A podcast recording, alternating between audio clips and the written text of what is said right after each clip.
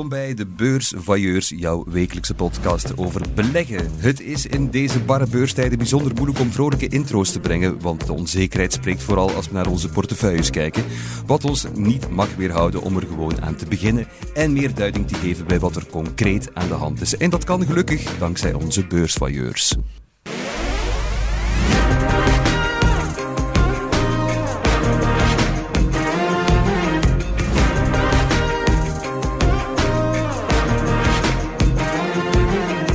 Elke week krijg ik het gezelschap van een bekende belegger en van twee beursvoyeurs. Dat zijn deze week Serge Mampai, journalist bij De Tijd, en Frank de Mol, redacteur bij De Belegger. Dag allebei. Serge, alles goed?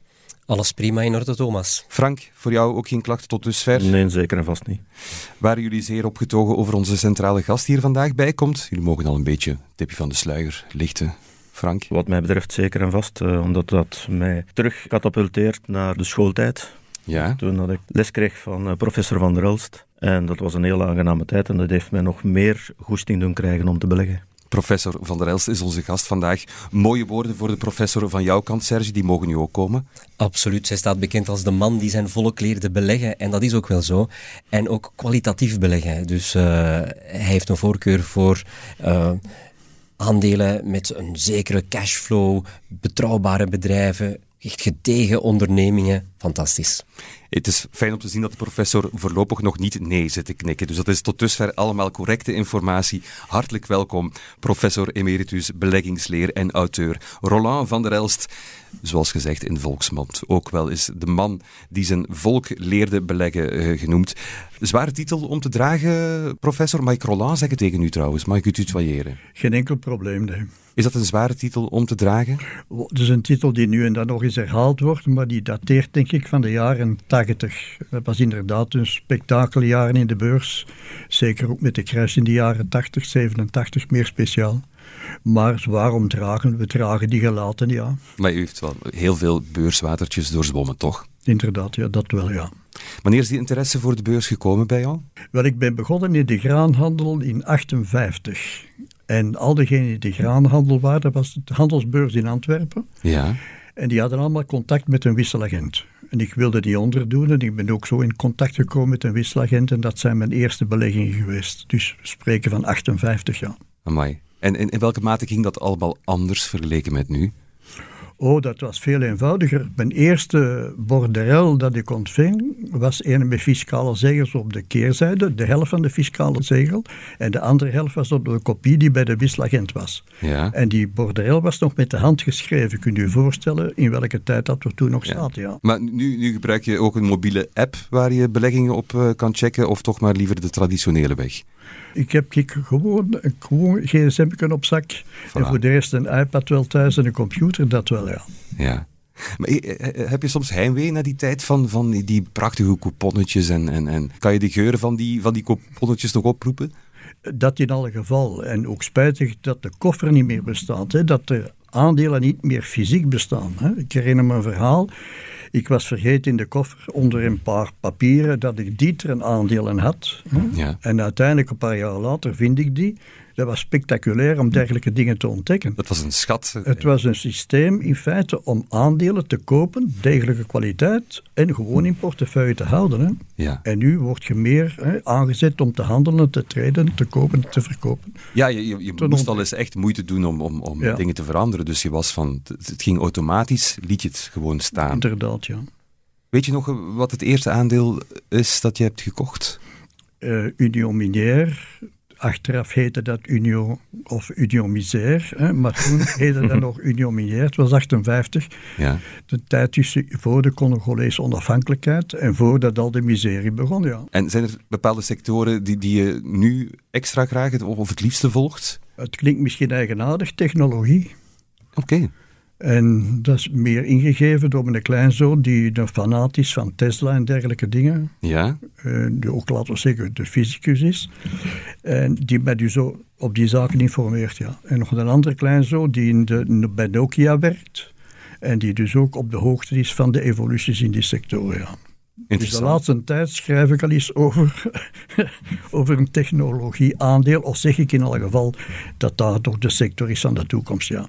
Maar ik begrijp dus dat, uh, dat je ook de, de, kleinkinderen mee hebt gekregen in beleggen en jullie daar vaak over praten. Hoe gaat dat?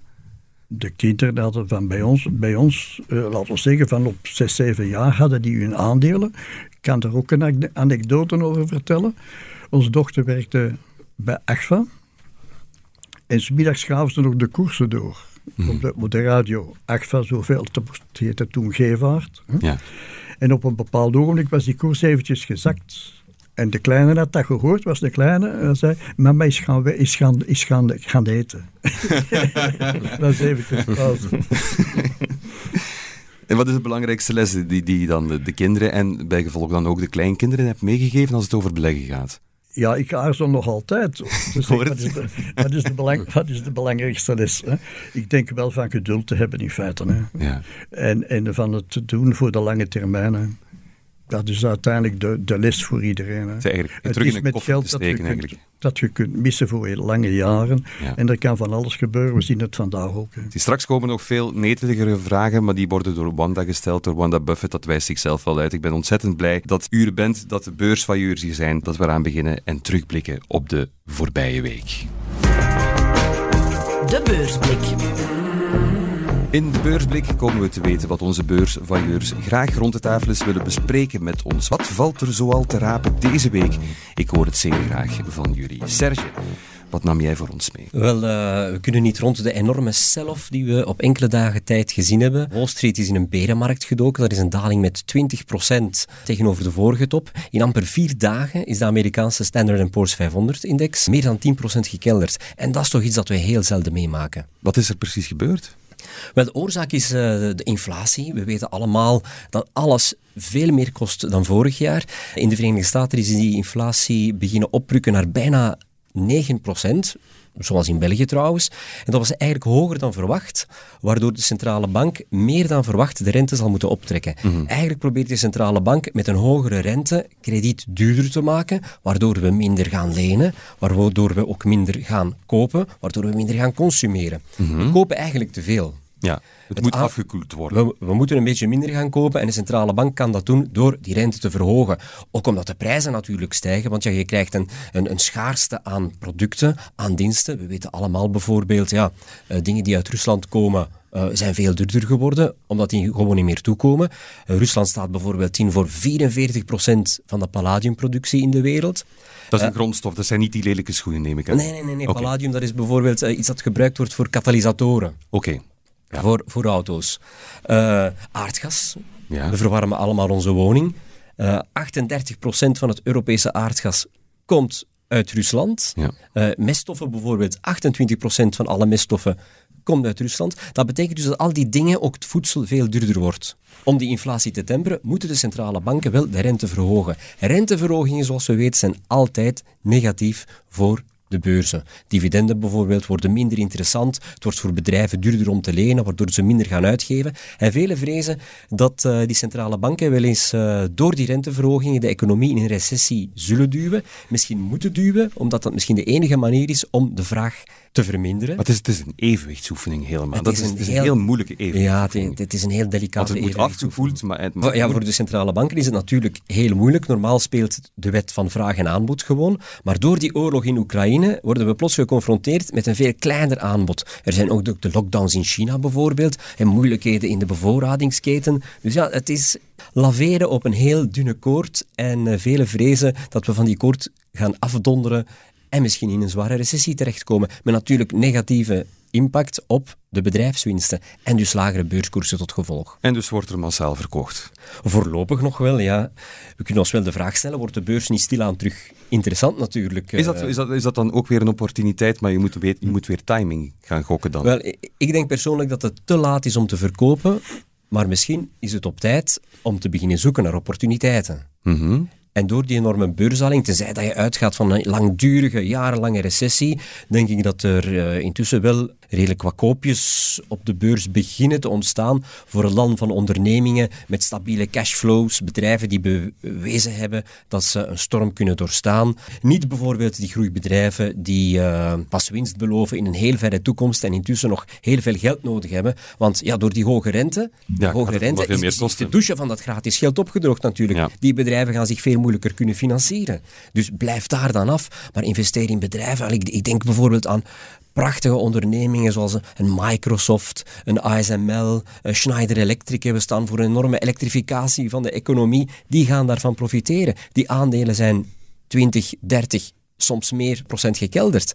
Dus ja, voor de lange termijn belegger denk ik dat er stilaan toch uh, kansen beginnen te ontstaan. Dat zijn de heel concrete tips. Dankjewel voor Sergi. Ik zie ondertussen professor Roland af en toe al eens knikken. Zullen we meteen ook eens naar, naar jou overgaan? Want, uh, Wel ja, ik ik pik in op de rentevrees en cryptoschokken doen beleggers vluchten. En dan is mijn vraag, ja, vluchten maar naar waar? Hè? Een van die vluchtmogelijkheden, dat zijn dan de obligaties. De rente stijgt. Maar ik denk inderdaad, zoals je zegt, dat het nog te vroeg is hè, om in obligaties te stappen. Natuurlijk, je hebt al die fondsen die, laten we zeggen, conservatief beleggen hè, en waar men gedwongen in obligatiefondsen terechtkomt.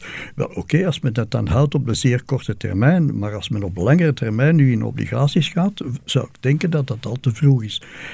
En andere mogelijkheden die men al vooropgesteld heeft. Hè. Er waren die, die crypto's en er was het goud. En wat was er nog allemaal als alternatief voor aandelen? Wel, eh, goud stagneert eigenlijk. Het is niet dat goud nu mee naar boven gaat, het is eerder ook, de beurs zakt, het goud zakt een beetje mee. Ja. Dus de alternatieven zijn er eigenlijk op dit ogenblik niet dan aandelen. En dus is het inderdaad uitkijken, zijn ze goedkoop, kunnen ze nog goedkoper? En dan ga ik op een bepaald ogenblik terug beginnen schrijven over mijn fameuze hè, portefeuillemaatschappijen, hè, mijn holdings, hè, die sterk afgeprijsd zijn op dit ogenblik. Ondertussen zijn er heel veel mensen die, die wel vluchten van de beurs. Vlucht jij ooit van de beurs, Roland? Nooit. nee, maar in feite ben ik altijd ook in een bevoorrechte positie geweest. Hè. Ik was ambtenaar, hè, je kunt dat zo stellen. Dus je hebt een fatsoenlijk inkomen en achteraf een fatsoenlijk pensioen. Hè. Sommigen zullen zeggen dat is nog altijd veel te veel uh, bij de ambtenaren. Maar je hebt een zekerheid waarop dat je kunt terugvallen. Hè. Ja, dus je kon wel wat spelen en wat risico nemen. Ik maak altijd een onderscheid. Je belegt voor de lange termijn, maar de beurs is inderdaad voor mij ook een hobby. En dus is daar ook het, het spelelement van, tja, zou ik dat eens niet proberen en zou ik daar eens niet riskeren? En, en op die manier eerder op korte termijn ook nog wat hè, in- en uitstappen. Ja. Je hebt natuurlijk heel wat beleggingsjaren doorzwommen, Roland. Is dit werkelijk de moeilijkste tijd die je kan herinneren? Nee, ik zeg altijd, het is altijd moeilijk. Als de beurzen duur zijn, is de vraag, gaan ze stijgen? Gaan ze nog verder stijgen of gaan ze dalen? Als ze goedkoop zijn, is het, gaan ze nog verder dalen of gaan ze nu beginnen stijgen? Nee, ik vind dat, dat ik weet wel, we leven op dit ogenblik in zeer bijzondere situaties. In mijn laatste artikel had ik het over een, een gewoonweg een, een, een, hele bende zwarte zwanen. Hè, met, ik ga de lockdown in China bijvoorbeeld niet onderschatten. Dat blijft maar duren en ze blijven maar hè, afsluiten. Op die manier, hetgeen dat hè, Serge daar juist zegt, dat de markten verstoord blijven, dat de toeleveringsketens verstoord blijven, dat in Shanghai honderden schepen die binnen kunnen enzovoort. Niet, niet dat u nu zo oud bent, hè, maar vorige week verleek Simon het nog met de periode van de jaren 40 in tegenstelling tot jaren 70 of 80 waar, waar deze situatie mee vergeleken wordt. Kan je daarin komen? Ik kan niet discussiëren over de jaren 40, was ik niet bij. Alleen was ik wel bij, bij manier van spreken. Maar ik vergelijk eerder met de... Zitten we nu niet in de jaren 60, 80? In 80 stond de beurs op het niveau van 60. Maar in 20 jaar is er uiteindelijk toch veel gebeurd. Mhm. Het is niet dat je zegt, hè, we zitten in slechte tijd hè, en, en je kunt niets meer doen. Je kunt wel degelijk handelen en je kunt wel degelijk nog succesvolle beleggingen hebben. Hè.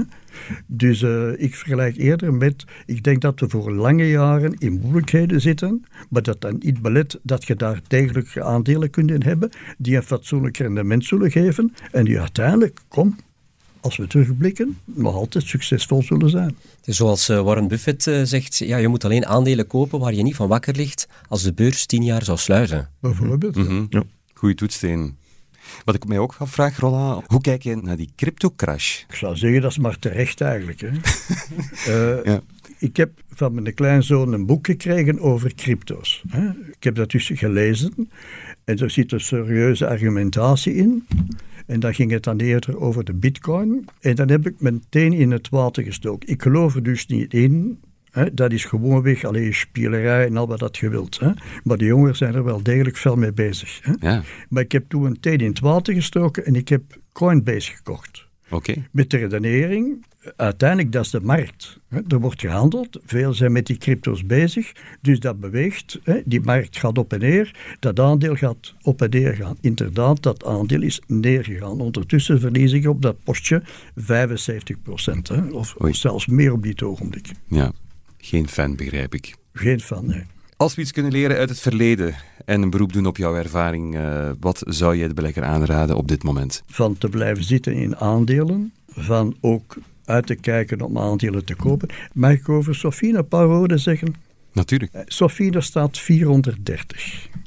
Joepie, iedereen naar Sofina. Uiteindelijk zijn er inderdaad een paar incidenten in Indië enzovoort. Dat wordt dan uitvergroot. En nu staat Sofina 200. Is die ploeg veranderd? Zijn dat andere mensen geworden die het leiden? Is dat de familie Boel niet meer? Pas op, ik neem aan, die koers moet inderdaad een stuk lager staan. Heel de markt staat lager, hè? dus zit dat in de, laten we zeggen, niet, niet genoteerde bedrijven, die dus meeleiden, die in functie ook noteren of koersen krijgen of waarde krijgen in functie van de genoteerde aandelen. Maar kom, zijn we nu niet stilletjes aan in de overdrijvingsfase gekomen? Mhm. Maar pas op, ik voeg eraan toe, is 200 de laagste koers? Niemand kan dat zeggen. Vier en greet. Hè? En uiteindelijk iedereen naar de uitgang en het kan altijd maar zakken. En hetzelfde kan gedaan worden voor brede rode, en hetzelfde kan gedaan worden, gezegd worden voor andere aandelen. Alleen Van der Merch en de ploeg van Van der Merch bestaat die niet meer. Hè? Dat is een hele kleine ploeg. Die werken met een minimum van kosten. En ineens moet dat aandeel 30, 40 procent naar, naar omlaag. Pas op, ze stonden inderdaad misschien wat te hoog. Dat is dan de overdrijving in de ene fase. Maar op een bepaald ogenblik gaan we in de overdrijving in de andere fase. Schitterend voor de kleine belegger eigenlijk. Hè? Het is zoals ook dat Buffett, het, hij heeft zo'n typetje, Mr. Market, die elke dag langskomt en u een prijs biedt. Soms is die heel hoog, soms is die heel laag, soms is die fair. En als kleine belegger kan je daar echt je voordeel mee doen. Wacht tot alles extreem goedkoop is en beleg dan uw cash. En natuurlijk, uh, vergeet ook soms niet te verkopen, want ik ben het niet echt volledig mee eens al, om altijd te blijven zitten in die dingen. Als je weet van, kijk, uh, Sofina noteerde bijvoorbeeld op een bepaald moment 40% boven zijn intrinsieke waarde. Ja, dat was misschien wat overdreven. Kan je als kleine belegger gewoon verkopen. Een beleggingsfonds kan dat niet. Een beleggingsfonds moet altijd in die aandelen blijven zitten. Je als kleine garnaal kan ja, beginnen te verhandelen. En ook al denk je van, ja, Sofina, binnen tien jaar komt dat zeker goed, maar maak ook gebruik van die opportuniteiten die Mr. Market u geeft. Ik begrijp dat er ondanks alles toch altijd weer opportuniteiten zijn en dat is het liefste wat ik hoor natuurlijk. Frank, wat heb jij voor ons meegebracht?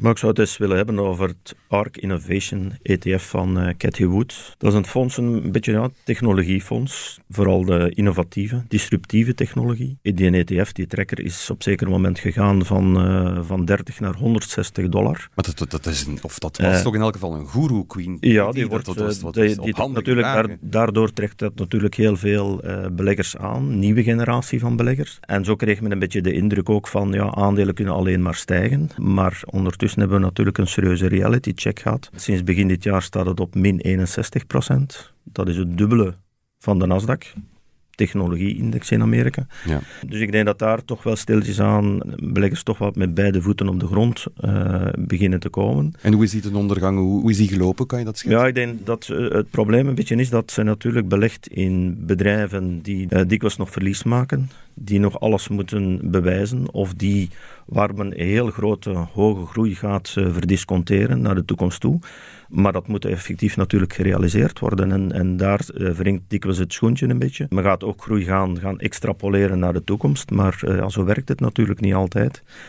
En dan ga je waarderingen krijgen die ja, buiten alle proportie is. Uh, als je gaat kijken naar de koersomzet van, van het fonds in het algemeen, dan zitten we nu nog altijd aan, aan bijna vijf. Wel, dan kunnen we nog altijd niet spreken dat dat heel, heel goedkoop is of heel interessant is. En ik moet me toch ook een beetje af dat als je gaat kijken ook een beetje naar de communicatie van Cathy Wood uh, de voorbije maanden, dan sprak ze eind december bijvoorbeeld dat ja, het fonds de komende vijf jaar met 40% per jaar ging stijgen. Okay. Natuurlijk allemaal heel mooi en heel interessant. Beetje grootmoedig al. Ja, in april was natuurlijk die, dat fonds aanzienlijk gedaald en dan sprak ze van ja, dan zal het nu met 50% per jaar moeten stijgen. Ja, dan ga je natuurlijk beleggers doen dromen uiteraard. Hè. Ze heeft ook gezegd, een bitcoin gaat naar 1 miljoen dollar.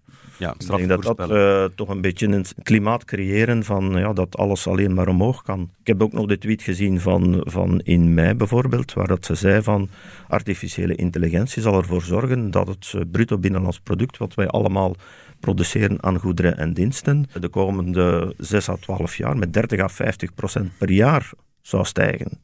Ik kan me dan moeilijk inbeelden dat in het verleden zo'n groei zich al heeft voorgedaan. Dus ja, dat zijn zo van die uh, ja, hypes, noem ik dat toch een beetje. En, en uh, dat krijg je in, in verschillende sectoren of verschillende typen van aandelen. Je hebt dat ook bij cannabis gezien. Wel, dan wordt dat opgevoerd ook dikwijls in de media. En dan krijg je ja, van, die, van die bubbels natuurlijk. Hè. En dat... Uh, gaat dan natuurlijk heel wat beleggers met grote verliezen uh, doen opstapelen. En hopelijk zijn die niet verloren om, om nog in de toekomst te kunnen beleggen. Hè. Hoe denk jij daarover, uh, Roland? Zo'n goeroe die, die optreedt en die ja, 2020 ja. hordes mensen meekrijgt in, in een waanzinnig verhaal? Ja, uiteindelijk kun je dat niet appreciëren, is dat allemaal gevaarlijk. En het kan natuurlijk lukken. Hè? En als het lukt, dan zet je de held. Mm. En als je afgaat, oké, dan gaat je af en dan kom je misschien jaren terug onder een andere naam, in een ander fonds, in een andere firma en je begint misschien opnieuw. Maar in 87 had ik het al in mijn eerste boek over emerging markets. Het gevolg is geweest dat ik op een bepaald ogenblik betrokken werd bij een bestuur van het eerste emerging markets fonds dat in België op de markt kwam. En die emerging markets, oké, dat, dat, dat groeit. En naar gelang dat de koers van dat fonds stijgt, komt er meer geld binnen. En dat was de vergadering, waarin gaan we dat beleggen? Want je moet het beleggen. Het fonds dient daarvoor. Mm En dus koopt je en koopt je en er komt geld bij en de markt stijgt en je blijft kopen en kopen. En je moet kopen. Je kunt niet zeggen, oh, ik vind dat de markten nu te duur zijn, ik had 50% liquiditeit. Dat mag dus niet. Op een bepaald ogenblik keert een markt en krijgt je de omgekeerde situatie. Mensen verkopen en jij moet dus verkopen. En je drukt dus mee op de markt. Pas op, er is niet één fonds, er zijn honderden fondsen, er zijn duizenden fondsen, die allemaal in dezelfde grote aandelen zitten. Ik neem een concreet voorbeeldje dat Frank daar geeft. Zij had Tesla in haar fonds. Mhm. En zij is een grote voorstander van Tesla. Mhm. Op een bepaald ogenblik moet zij Tesla verkopen. Waarom moet zij Tesla verkopen? Omdat Tesla niet meer aan haar hè, criteria beantwoordt. Nee, gewoonweg. Hè, omdat de mensen geld opvragen, omdat het fonds in waarde daalt. En dan wordt Tesla verkocht. En dan ziet iedereen, zij verkoopt Tesla. Dus iedereen begint Tesla te verkopen. Dus je krijgt inderdaad van die self-fulfilling prophecies. Hè. En hoe kan je zo'n situatie nog rechttrekken als je Katie Woods bent? Voor Katie Woods vrees ik eh, dat het op korte termijn zeker niet kan goedkomen. Een alternatief daarvoor bijvoorbeeld is uh, dat je als belegger in een gesloten uh, fonds stapt. Bijvoorbeeld een, een, een, fonds dat uh, eigenlijk bijna hetzelfde doet als Katie Wood is Scottish Mortgage. Je kan dat kopen op de Londense beurs, maar ja, dat, dat fonds moet niet verkopen, want er zijn een, een gelijk aantal aandelen. Dat verandert niet, zoals bij Sofina of een Brederode of een, of een GBL. Dus uh, zij kunnen er wel voor de lange termijn uh, blijven inzitten. Zij hoeven niet te verkopen als iedereen eruit stapt en de koersen zeer laag staan. Dus er zijn alternatieven. Oké, dank je Serge. Het is tijd ondertussen om de handen uit de mouwen te steken. We gaan de luisteraar helpen en jullie weten het met uh, we bedoel ik eigenlijk jullie. Jullie gaan de luisteraar helpen. De hulplijn. U weet ons te vinden, beste luisteraar, en dat is maar goed ook, want we zijn hier om u te helpen. En deze keer heet onze luisteraar Ken. Goeiedag Ken, alles goed? Ja, zeker wel. Heel erg blij dat jullie mij ook willen helpen. Ja, met heel veel plezier. Ik ben razend benieuwd. We zijn razend benieuwd naar jouw vraag. Wel, ik ben eigenlijk tijdens de coronalockdown beginnen te beleggen. En dat was al best een interessante rit tot nu toe. Maar ik voel mezelf nog wel echt een beginner. Zo kom ik uit bij de hulp van experts zoals jullie, maar ook bij een hele grote groep beursanalisten. En die publiceren allerlei koop- en verkoopadviezen en koersdoelen en zo. Mhm. En ik begrijp zeker dat niemand een glazen bol heeft, maar ik zou wel verwachten dat die vakexperts het toch in grote lijnen eens zijn met elkaar. Maar dat blijkt niet echt het geval te zijn. Hun eindoordelen liggen soms echt wel heel ver uit elkaar. Ja. En ik heb daar een, een actueel en lokaal voorbeeld van. Mitra. Nu, dat bedrijf is al enkele keren wat negatief in het nieuws gekomen. En die koers die is op een jaar tijd gezakt van een 25 euro naar amper 6 euro. En toch, al die analisten, ING, KBC, Berenberg, noem maar op, allemaal enthousiast. Een koopadvies, koersdoelen boven de 20 euro tot 41 euro. Nu, wat kan ik nu als kleine belegger daarmee doen? Zien die analisten niet dat ik niet zie? Is het een koopkans? Kijken die verder vooruit of kijken die net achteruit omdat ze vertrekken van gepubliceerde bedrijfsresultaten? Of, en daar heb ik eigenlijk het meeste schrik voor, hebben die een geheime agenda? Dat die bepaalde aandelen net proberen te promoten omdat ze er zelf baat bij hebben. Dat is een, uh, een goede vraag met, en een bouwde stelling misschien ook wel, maar het is niet aan mij om ze te beantwoorden. Gelukkig maar. Dag Ken. Nu wat uh, Mitra zelf betreft, uh, ik denk dat daar een, een, belangrijk element of een belangrijke onzekerheid nog bestaat. En dat is, gaan ze erin slagen om tijdig een deal te sluiten, een commercialisatiedeal voor Donesta. Dat is een middel tegen de, de menopauze. En daar zal alles van afhangen, want dat zou een grote deal kunnen zijn. En daar is de hoop van heel wat analisten op, op gebaseerd. Uiteraard slaagt men erin die deal te sluiten, dan kan dat toch heel wat geld in het laadje brengen, zijn de kapitaalzorgen achter de rug. En dan, dan, kan men natuurlijk verder. En dat is een heel belangrijk uh, eikpunt. Uh, maar op korte termijn zit je natuurlijk met uh, ja, de nood aan kapitaal. Hè, want onderzoeken kosten veel geld, slorpt heel veel geld op. En ze hebben eh, niet zoveel mogelijkheden om op dit moment aan kapitaal te geraken. Ze hebben een kap twee kapitaaltoezeggingen, maar één kunnen ze maar gebruik van maken. En dat zorgt natuurlijk ook voor heel wat meer aandelen die in omloop komen. En dat betekent natuurlijk, als er eventueel later winst zou zijn, dat die uh, winst over heel veel aandelen moet verspreid worden. Nu, het optimisme van die koersdoelen heeft natuurlijk te maken dat ze rekenen dat die deal effectief zal gesloten worden. Maar u weet natuurlijk ook, koersdoelen kunnen heel snel veranderen. Als mocht blijken dat die deal dan toch niet zo groot is als gepland, ja, dan zullen die koersdoelen ook heel snel naar beneden gaan. Dus je moet er altijd met wat voorzichtigheid tegenaan kijken. En hier gaat het natuurlijk over ja, toch wel een aandeel met een hoger dan gemiddeld risico. Ben je daar al iets mee, Ken? Uh, ja, zeker. Want ja, dat is inderdaad ergens ook waar ik mee sukkel. Hè. Het, het, risicoprofiel komt niet altijd naar voren in die koersdoelen of die koopadviezen. Hmm. En dat is natuurlijk een hele belangrijk aspect. Maar je, verdenkt analisten om ook een geheime agenda te hebben. Wat bedoel je daar concreet mee? Um, ik weet het niet, hè, maar dat is iets, als je op fora leest en zo, dan komt dat wel vaak naar voren van al die samenzweringstheorieën. Nu zelf, je hebt ik heb heel veel heel gevaarlijke fora op, de, uh, op het internet. Hè? uh, ik vraag me gewoon af, kan dat doen? Gebeurt dat soms echt? Of is dat allemaal maar een beetje prikpraat? Ronald, wat denk jij daarvan? Wel, een analist heeft bijvoorbeeld als koersdoel 36 gesteld. En achteraf blijkt dat toch wel hoog gegrepen te zijn. En dan moet hij dat afzwakken. En hij is vrij pessimist. Maar gaat hij dan ineens van 36 naar 12 bijvoorbeeld? Nee, ik denk dat dat psychologisch logisch is. Dat hij eerder gaat zeggen, mm 24. Mm En misschien uiteindelijk een volgende keer naar 16 zal gaan, om uiteindelijk misschien toch op 12 te eindigen. Ja. Er is op een bepaald ogenblik inzicht dat het niet meer zo goed is, maar om dan ineens te zeggen, sorry, ik heb 36 gezegd drie weken geleden en nu zeg ik 12 drie weken later, dat is een grote stap. Ken, ik zou een vraag willen stellen aan u. Hebt jij 10 biopharma aandelen? 10 verschillende? Nee. Voilà. nee. Dat is uw probleem, denk ik. Hè? Sorry dat ik dat zo zeg. Hè? Als je er tien hebt, zal er één lukken en de negen anderen mislukken. En als die duizend procent opbrengen, dan mogen die negen anderen allemaal verlieslatend zijn. Dat is het geval in feite van uh, Argen X op dit ogenblik. Hè? Maar het kan ook het geval zijn van Galapagos. Hè? Dus je moet er in feite veel verschillende hebben, of anders moet je het met een fonds proberen te doen waar ze allemaal in zitten, de goede en de slechte, maar je weet op voorhand niet en dat kan jaren duren en ondertussen kost dat zeer veel geld. Er wordt er opnieuw altijd geld opgevraagd en altijd voor de insiders, voor de familieleden, voor de, laten we zeggen, de grote groepen, die dat dan kopen 10 of 20 procent onder de noteringen op dat ogenblik. Ik vind dat een zeer moeilijke markt om in te beleggen.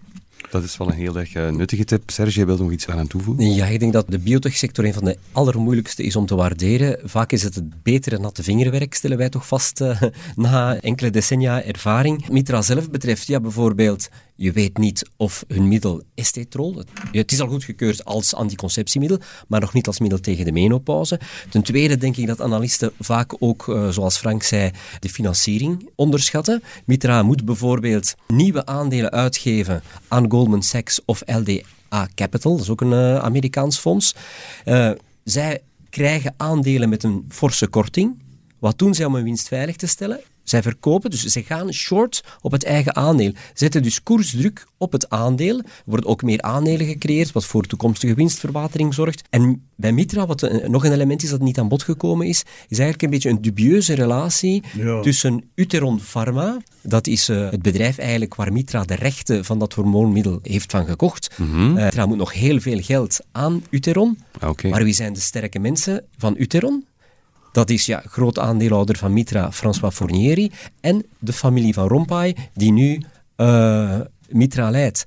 En dat okay. dubieuze aspect speelt ja. zeker een rol bij de beleggers om niet in Mitra te stappen. Toch niet op dit ogenblik, uh, omdat uh, ja, Donesta nog niet is goedgekeurd. Hm. ik wil er toch nog iets in het algemeen over, aan toevoegen over die koersdoelen. Wel, koersdoelen hebben altijd de neiging als beurzen stijgen om verhoogd te worden. Ook al is er niet echt onmiddellijk nieuws.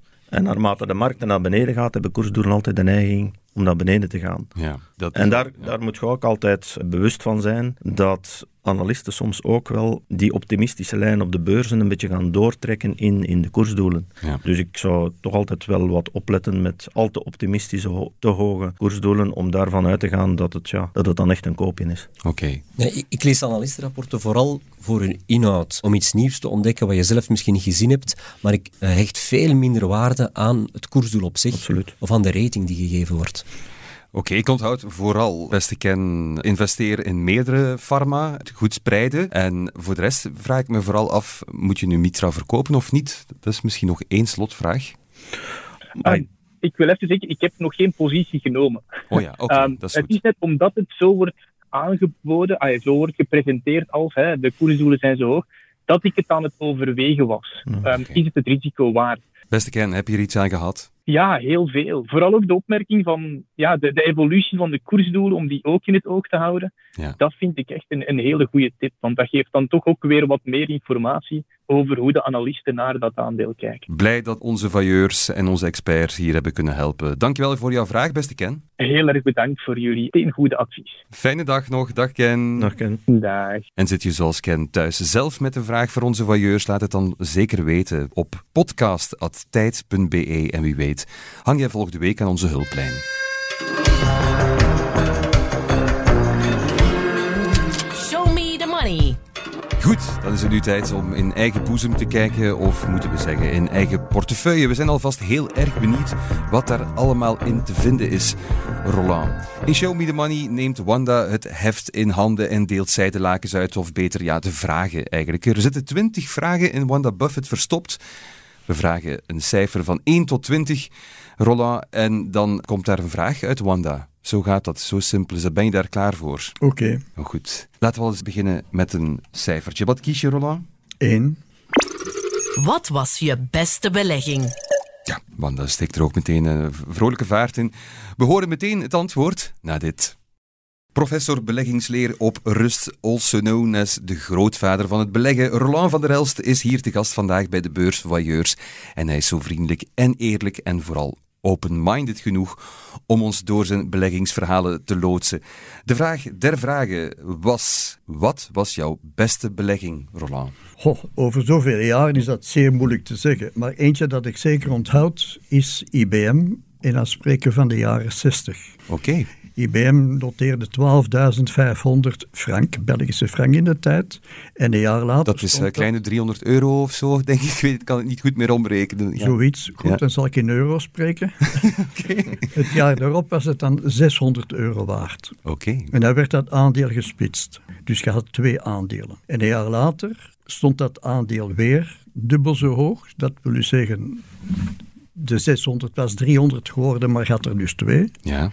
En met die twee aandelen van 300 had je er nu twee van 600. En dan werd dat aandeel weer, weer gesplitst. Dan kun je de vraag stellen, waar is dat verhaal geëindigd? Gewoonweg met de aandelen te verkopen en te bouwen. Ja, kijk. Perfect plan. Wat in feite toch altijd logisch is dat men, als men jong is, investeert in vastgoed. Dat is toch altijd in feite de, de vaste waarde. Wat er achteraf met IBM is gebeurd, is een heel ander verhaal. Maar op dit ogenblik is IBM aan het terugkomen.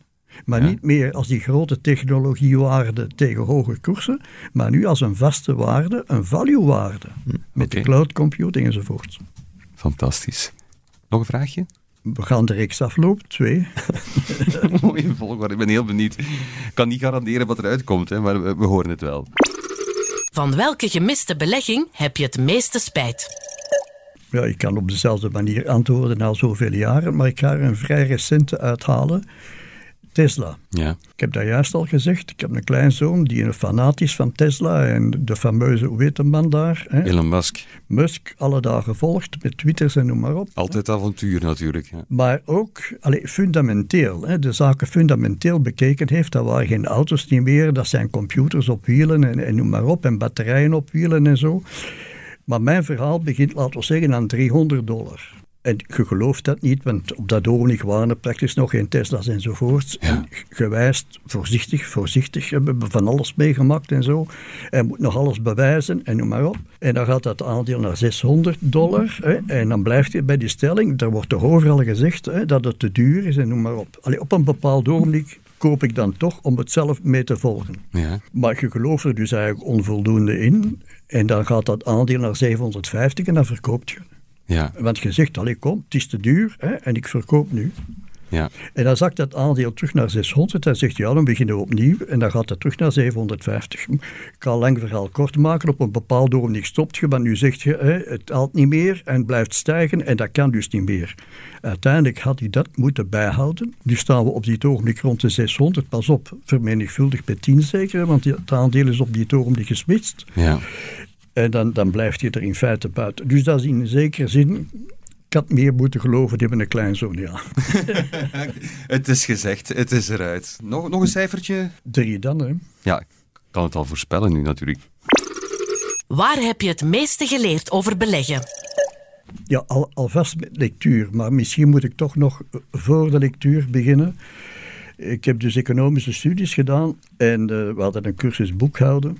En met kerstmis sprak ik de prof aan en daar moest hij een tijd moed voor hebben om de prof aan te spreken, hè, 65 jaar geleden. Ik zeg, professor, kijk, ik heb alle cursussen gevolgd, ik heb al gedaan wat je gezegd hebt en ik versta er niets van.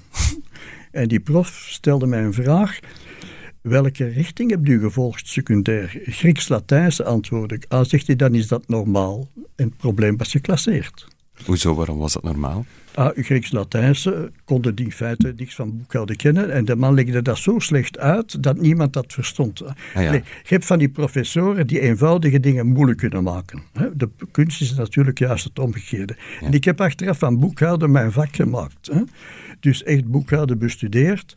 En vanuit boekhouden in feite aandelen beginnen studeren, ondernemingen beginnen bestuderen en dus te zien wat ondergewaardeerd was en hoe sterk ondergewaardeerd het was. En, en daarin in feite belegd. Maar natuurlijk is de literatuur ook. Costolani ga ik noemen, Buffett ga ik noemen, K. Noemen. Ja, dat zijn ze ongeveer. Ik heb wel uh, zeer veel respect gehad in al die jaren ook voor de aanpak van Van der Merch. Van der Mers? Van de groep Brederode. Dat is een hele cascade van ondernemingen geworden die uiteindelijk nu herleid zijn tot één Brederode. We spraken er juist over in 1958 dat ik begonnen ben met beleggen. Een van die eerste aandelen was Bambuli, cultuurmaatschappij in Congo. Oké. Achteraf was er van cultuur in Congo niet veel sprake meer. Dan wordt er omgeschakeld en die hadden dan een onderneming in Nijlen en die deden iets met, met scheikunde of zo. En die hadden serieuze cashflows. En die cashflows die werden belegd in aandelen. En de winsten zorgden ervoor dat die winsten altijd, alles werd in feite herbelegd in aandelen. Mhm. En de meerwaarde op aandelen waren vrijgesteld in die tijd voor die ondernemingen. Dat wil dus zeggen dat er geleidelijk aan meer en meer opgebouwd werd, altijd vanuit ondergewaardeerde aandelen. En heeft Van der Merch heel wat aandelen opgekocht. Mhm. Van der Merch bijvoorbeeld heeft nooit, laten we zeggen, de bestuurders betaald of zichzelf betaald. Heeft de kosten altijd zeer laag gehouden. Er zijn ondernemingen die, laten we zeggen, 5 miljoen of 10 miljoen uitkeren aan hun beheerders. Ik denk aan de groep bijvoorbeeld Sokfin, Sokfinasia enzovoort. Dat zijn schandalige bedragen die naar de beheerders gaan. Als je die bedragen een koers-winstverhouding geeft, als het groeiaandelen heeft van 10, 20 of 30, dan krijg je op de beurs spectaculaire mogelijkheden van hozen. En die worden gewoon hier afgeroomd, hè, omdat zij zich in feite verrijken. Bij Sofina ben ik benieuwd wat er nu gebeurt. De Sofina-koers staat zeer laag. Sofina is ook zeer, eh, laten we zeggen, nogal ruim bij het toekennen van opties voor hun medewerkers. Mhm. Dat ging vroeger soms met duizend tegelijk, hè, 2000 aandelen tegelijk. Dus als die nu gaan profiteren van die koersen van 200 hè, en duizenden en duizenden en tienduizenden aandelen hè, met opties op die manier, hè, goed, dat zijn dan toch elementen die, alhoewel Bowel natuurlijk en Sofine is een grote groep, dat dat drukkende elementen zijn. Bij Van der Merch bestond dat dus allemaal niet. Ja. Ja, die zijn genoemd. Zal, eh, nog, nog eentje, maar ik gewoon meteen vijf dan? Uh... Doe maar, ja. Wat is jouw strategie? Ah, tegendraadse belegger. Maar, maar, niet fanatiek, hè? Ja. Maar bijvoorbeeld, Colruyt is nog niet gevallen. Hè? Heb je nu Colruyt gekocht? Ah ja, hè? als dat van 60 naar 30 gaat, dan begint dat toch interessant te worden. Pas op, niet omdat het naar 30 gaat, maar gewoon weer omdat Colruyt ook een interessant, hè? een interessant verhaal is en interessante mogelijkheden biedt. Hè? Uh, maar op een bepaald ogenblik komt dat aandeel toch terug. Ja, je, je, blijft erin vertrouwen, ook al zitten ze nu wel in best moeilijke papieren. En, en, en wel ja, ik zou zeggen dat ze tegen de raadse, dat ik er juist ook genoemd heb met een Sofina en een Brede Rode enzovoort en zoveel andere. Hè. Als je zegt Mitra is daar juist genoemd geweest, heb je Mitra? Ja, maar op een bepaald ogenblik ziet je dat zakken, zeg je, oh, dat klopt hier niet meer en dan stop je daarmee. Hè. Mhm. En dus, dat wil zeggen, ik koop te vroeg, hè, want ik heb Colruyt gekocht aan 30. Hè. Ik koop te vroeg, maar ik verkoop dat ook te vroeg. Want uiteindelijk, hè, door dan met schijfjes bij te kopen, op een bepaald ogenblik wel te stoppen, begint je dan ook hè, te verkopen met schijfjes naar gelang dat de koersen stijgen. Mhm. Want je weet niet op voorhand hoe lang dat het gaat dalen, maar je weet dus zeker ook niet hoe ver dat het gaat stijgen. Hè. En dus mijn, mijn tactiek is of mijn systeem is tegen draads, maar niet fanatiek. maar ik koop te vroeg en ik verkoop te vroeg. Dat is een strategie die ik nog niet zoveel had gehoord hier eigenlijk. Uh, interessant. Nog eentje om het af te leren? Dat is zeker. Ik dacht het wel, ja. Wat is jouw einddoel? Gelukkig zijn, hè? herkenbaar. Gelukkig, zijn. Hè? Ja. Op mijn leeftijd gaat het niet meer over meer verdienen en meer winnen. Integendeel, je hebt de mogelijkheden om andere dingen te doen in je leven. Hè? En bij mij gaat wel, een, laten we zeggen, een groot gedeelte van die winst gaat wel naar, naar goede werken. Hè? Meer speciaal.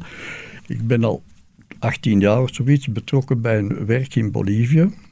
Ik ben er ook regelmatig gaan zien wat er concreet mee gebeurt, want het is niet een kwestie van geld te geven en dan. uh, nee, nee, ter plaatse zien wat er gebeurt, hoe het gebeurt enzovoort, om ook op die manier die motivatie te houden. Nee, nee, geld is uiteindelijk zeker geen doel. Roland, het was uh, een eer en ongelooflijk genoegen om je hier rond tafel te hebben vandaag. Ongelooflijk bedankt en doe zo voort. Nog vele jaren mag ik hopen. En laat zeker meer van je horen. Dank je wel. Nu even de blik richten op volgende week met onze beursvailleurs. De blik vooruit. Laten we inderdaad toch eens vooruitkijken. Naar volgende week al om te beginnen zien wat daar in de stijger staat. Durven we dromen van een betere beursweek? Of blijven we een beetje dobberen in de impasse? Frank, Waar kijk jij naar uit? We beginnen met de site te klinken. Uh, vrijdag cijfers over de inflatie in de eurozone. Ja. Dat is altijd natuurlijk wel belangrijk in de huidige tijden. Maar er zijn natuurlijk ook heel wat investeerdersdagen en daar stip ik toch een beetje aan uh, volgende week uh, woensdag. Dan is het investeerdersdag van Umicore.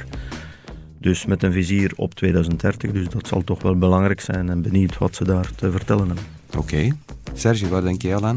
Wel, uh, maandag 20 juni komt VGP in de pan-Europese EPRA vastgoedbarometer. Dat is een heel populaire vastgoedindex. VGP is een Belgische ontwikkelaar en verhuurder van logistiek vastgoed, van magazijnen dus. Nu, de koers heeft daar al wel uh, op gereageerd, heel kortstondig trouwens. Toen het nieuws bekend raakte, uh, schoot de koers naar meer dan 200 euro. Intussen staan we weer op 170, dat is dus 15% lager. Nu, de opname in zo'n index heeft natuurlijk niets van doen met de echte waarde van het aandeel. Hmm. Maar ik hoop wel dat eh, VGP daardoor meer onder de radar komt van internationale beleggers. Want het is toch een interessant bedrijf dat je nu ook aan een interessante koers kan oppikken. Oké, spannend. Roland, is er iets voor jou in de nabije toekomst waar je nu al naar uitkijkt? China. Oké. Ehm, de beurs in Amerika kwakkelt. De laatste dagen is de Chinese beurs beter. Maar is nog altijd het grote probleem van de lockdowns. Maar ik denk niet dat we aan China voorbij kunnen. Hè. Potentieel van de markt, de grote invloed die ze hebben in, in, in, in een uitvoer hè, de wereld.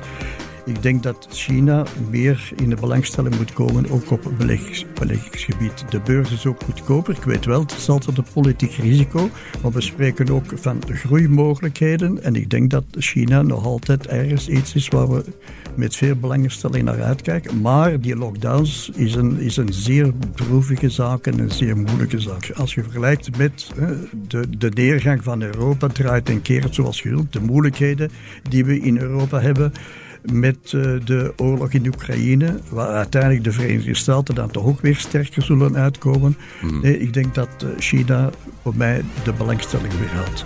Dankjewel voor jouw tip. Goed, dit was het dan. Ik bedank onze beursvailleurs van dienst Serge Mampai, Frank de Mol, onze vragensteller Ken en natuurlijk onze bekende vailleur professor Roland van der Elst. Volgende week zijn we er met onze trouwe beursvailleurs, heel wat fijne verhalen en een bekende beursvailleur die nog niet te veel kwijt wou, behalve dit.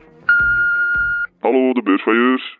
Zijn goed bezig hè jongens. De link met economie is in mijn shows nooit ver weg. Ja, daar verklap ik het al, mijn shows. Nu, voor jullie ga ik eens een uitzondering maken en ga ik eens een week in bijzonder onderhanden nemen en geen volledig jaar. Allee, dus topen dat we toch wat kunnen lachen hè. Tot dan!